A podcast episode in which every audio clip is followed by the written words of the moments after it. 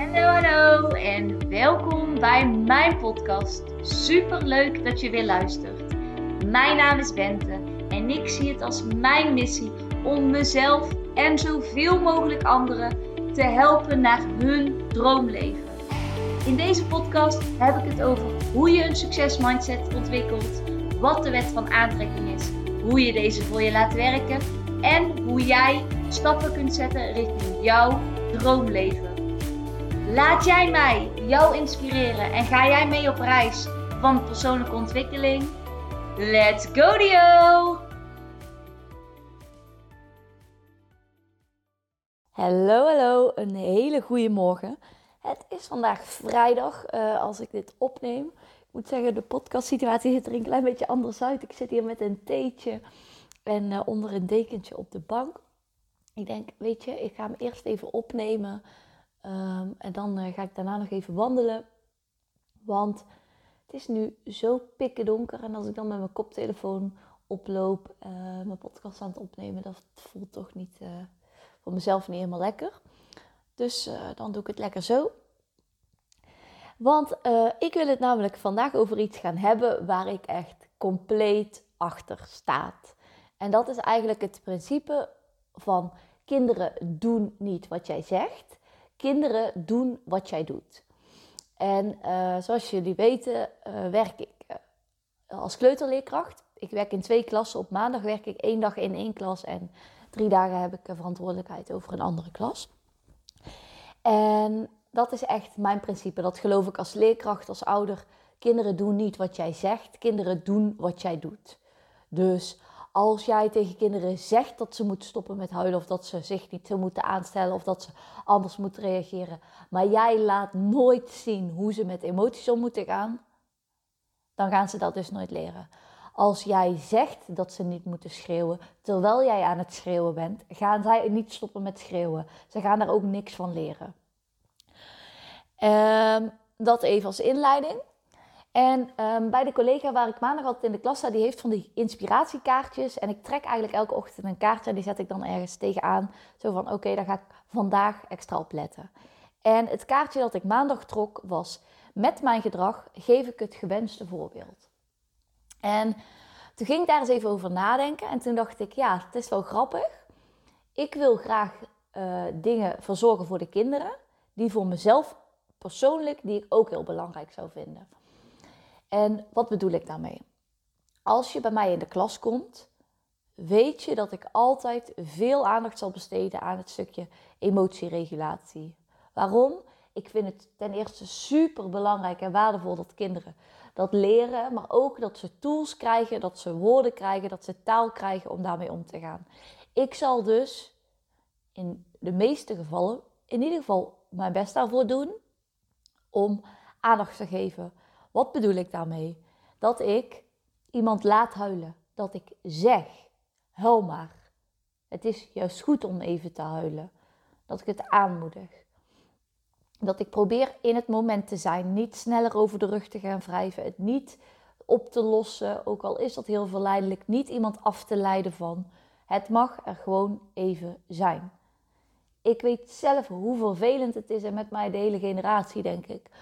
Als het er nooit mag zijn en hoeveel last je daarvan kan hebben als je uiteindelijk volwassen bent. Dus dat is echt iets, daar probeer ik altijd aandacht aan te hebben. Um, dan de volgende. En dat is keuzevrijheid.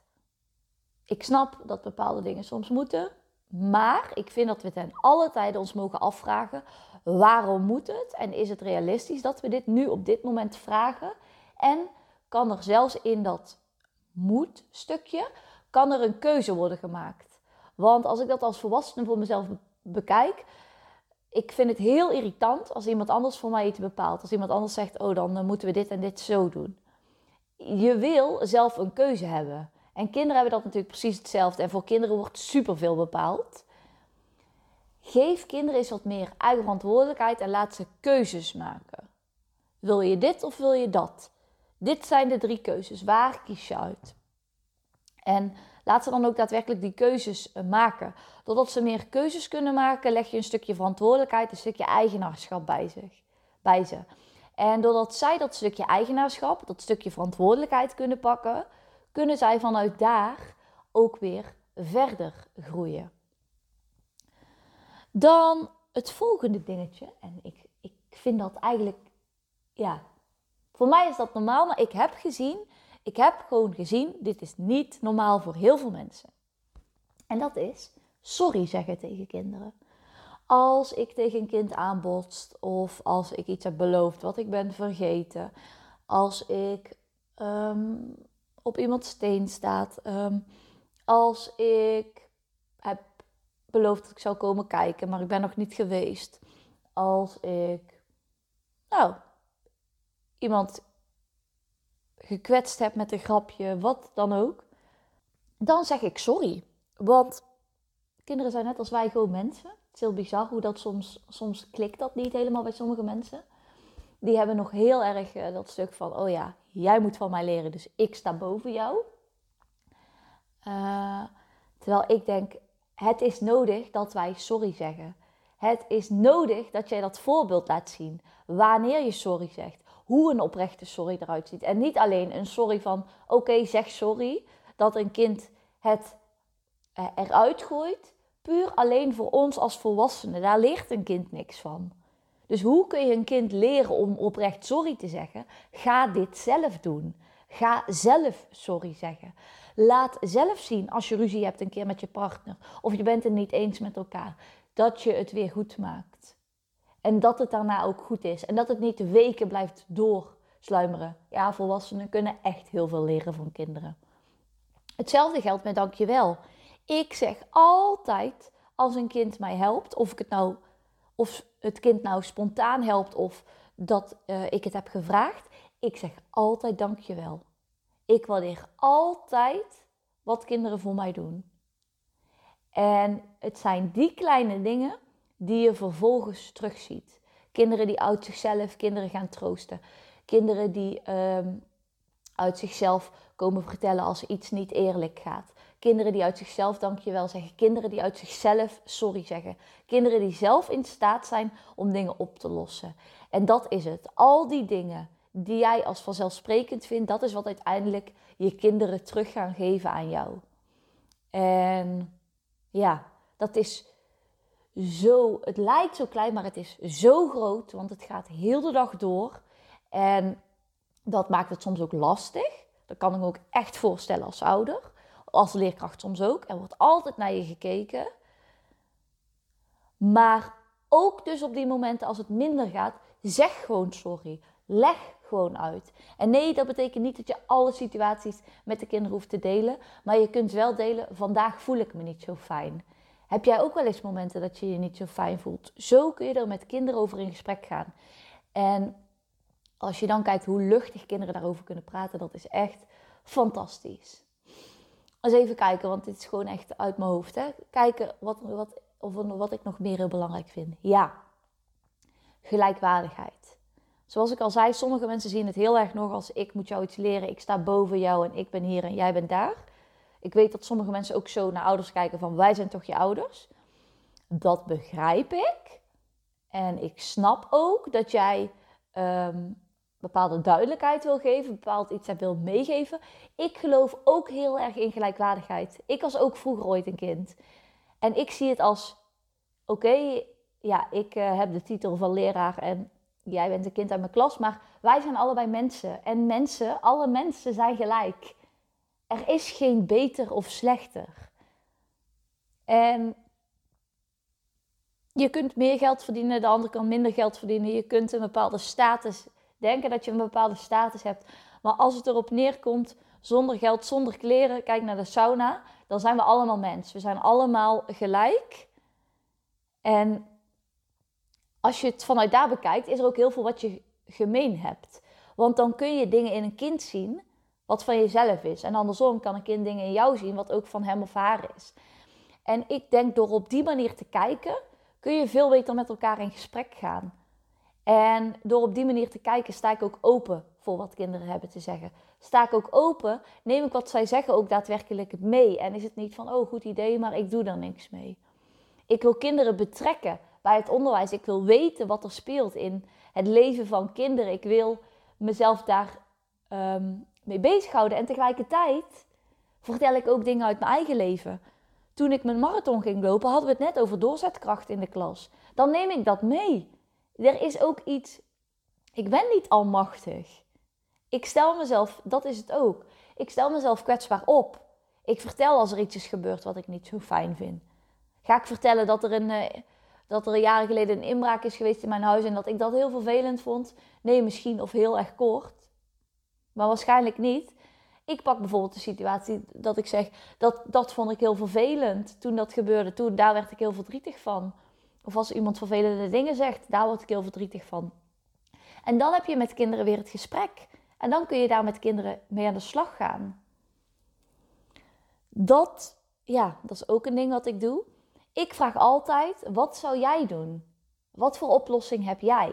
Hoe zou jij dit aanpakken? En door die vraag te stellen, leg je ook weer de verantwoordelijkheid en het eigenaarschap bij het kind. Dat betekent niet dat het, het kind de volledige verantwoordelijkheid hoeft te dragen en dat jij al je handen ervan aftrekt, maar je laat het kind zelf nadenken. Want vaak komen wij als volwassenen met oplossingen die voor het kind niet altijd als een juiste oplossing voelen. En ik denk dus dat het daarom heel belangrijk is dat we kinderen weer opnieuw laten nadenken. En toen was ik dus over deze dingen, ja, ik dacht er net over na. Toen liep ik naar de wc en toen zag ik voor morgen stond er een quote. En die was als volgt. Alle vaders en alle moeders zouden moeten onthouden dat hun zoon of dochter ooit hun voorbeeld zal volgen in plaats van hun advies. En ik denk dat die dag eerder komt dan jij denkt. Die dag kan vandaag al zijn, die dag kan morgen al zijn. Dat hoeven geen grote kinderen te zijn. Juist ook kleine kinderen kijken naar ons. Kijken de hele dag naar ons. Naar vaders, moeders, maar ook naar pedagogisch medewerkers, naar alle mensen die met kinderen werken, maar ook naar de maatschappij. Het kinderen, kinderen zullen het voorbeeld gaan volgen in plaats van het advies. Dus nog een ander voorbeeld. Jij kunt altijd geldadvies geven, maar als je altijd voorbeeld laat zien dat er een tekort is en dat, je, dat er angst moet zijn om geld, dan zal er angst zijn op geld. Ook, als, ook al roep je altijd van, wees, zorg dat je, een, uh, dat je zekerheid hebt, zorg dat je spaart, zorg dat je dat altijd hebt geregeld voor jezelf, zodat je niet als het onderliggende gevoel en de handelingen uit op angst gebaseerd zijn, dan zal het kind een angstverhaal creëren rondom geld. En zo is alles zo. Maar weet dus ook dat het de andere kant op werkt. Nog een belangrijk ding, wat ik dus belangrijk vind: mindset. Ik wil kinderen echt leren dat één, als je het hebt over bijvoorbeeld filosoferen, dat geen enkel antwoord fout is. Hetzelfde op mindset. Alle gedachten zijn oké. Het is een gedachte, hij komt en hij gaat en hij gaat ook weer voorbij. En dat wil ik kinderen zo meegeven. Ik wil juist degene zijn die kinderen leert dat alles mogelijk is. En juist als ze jong zijn, kun je ze daar nog heel goed in meenemen. Want dan zijn ze nog vrij. Zijn ze nog vrij van trots en schaamte. Als ze in ieder geval echt heel jong zijn. En hoe vet is het om juist dat mee te kunnen geven aan je kinderen of aan de kinderen in je klas? Dat is echt iets wat ik, ja, zo graag mee wil geven. En dan de laatste, je bent altijd goed zoals wie je bent. Ik hoop gewoon dat ik in mijn kinderen altijd honderden verschillende kinderen blijf krijgen, waarin geen één kind hetzelfde is. En nooit het gevoel heeft dat ze altijd moeten voldoen aan dat ik nog net zoveel van ze hou, om ze geef, als ze zich even misdragen, als ze even, ja, hoe zal ik het noemen? Een docent van mij zei ooit recalcitrant gedrag. Als ze ooit, uh, ja, gewoon continu eigenlijk uh, tegen mijn schenen aan het schoppen zijn. Wat ook echt gebeurt. En bij sommige kinderen vaker dan ooit. Dat ik nog net zoveel van ze hou. Dat ik elke dag weer begin met een nieuwe kans. Nieuwe ronde, nieuwe kansen. En zo zie ik het ook echt. En zo probeer ik het ook echt. Zo probeer ik er echt naar te kijken. Um, door ook vooral te kijken van wat zit er achter dat gedrag. En dat is echt niet altijd makkelijk. Maar dat is wel wat ik ja, waar ik naar streef. En uh, zo hoop ik elke dag eh, de kinderen iets mee te geven. Ja, om echt als volwaardig mens mee te kunnen doen aan uh, de maatschappij van nu. Waarbij de sociaal-emotionele ontwikkeling en echt het mindset stukje echt centraal staat.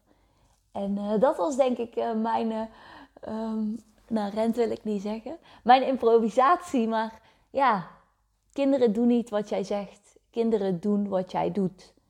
En dat is de basis. En alle ouders en alle moeders zouden moeten onthouden dat hun zoon of dochter vanuit hun ooit, sorry, hun voorbeeld zal volgen in plaats van hun advies. Ik ben heel benieuwd of je er iets uit kunt halen en ik sluit hem bij deze weer af. Super leuk dat je er weer bij was en hopelijk tot morgen. Doei! Niet je nou van deze podcast en wil je mij graag helpen? Laat dan een review achter via Apple of iTunes en dan help je mij en mijn bereik enorm. Ik wil graag zoveel mogelijk mensen inspireren en helpen. Dus als jij me een klein stapje kunt helpen, waardeer ik dat enorm. Super leuk en dankjewel voor jullie steun.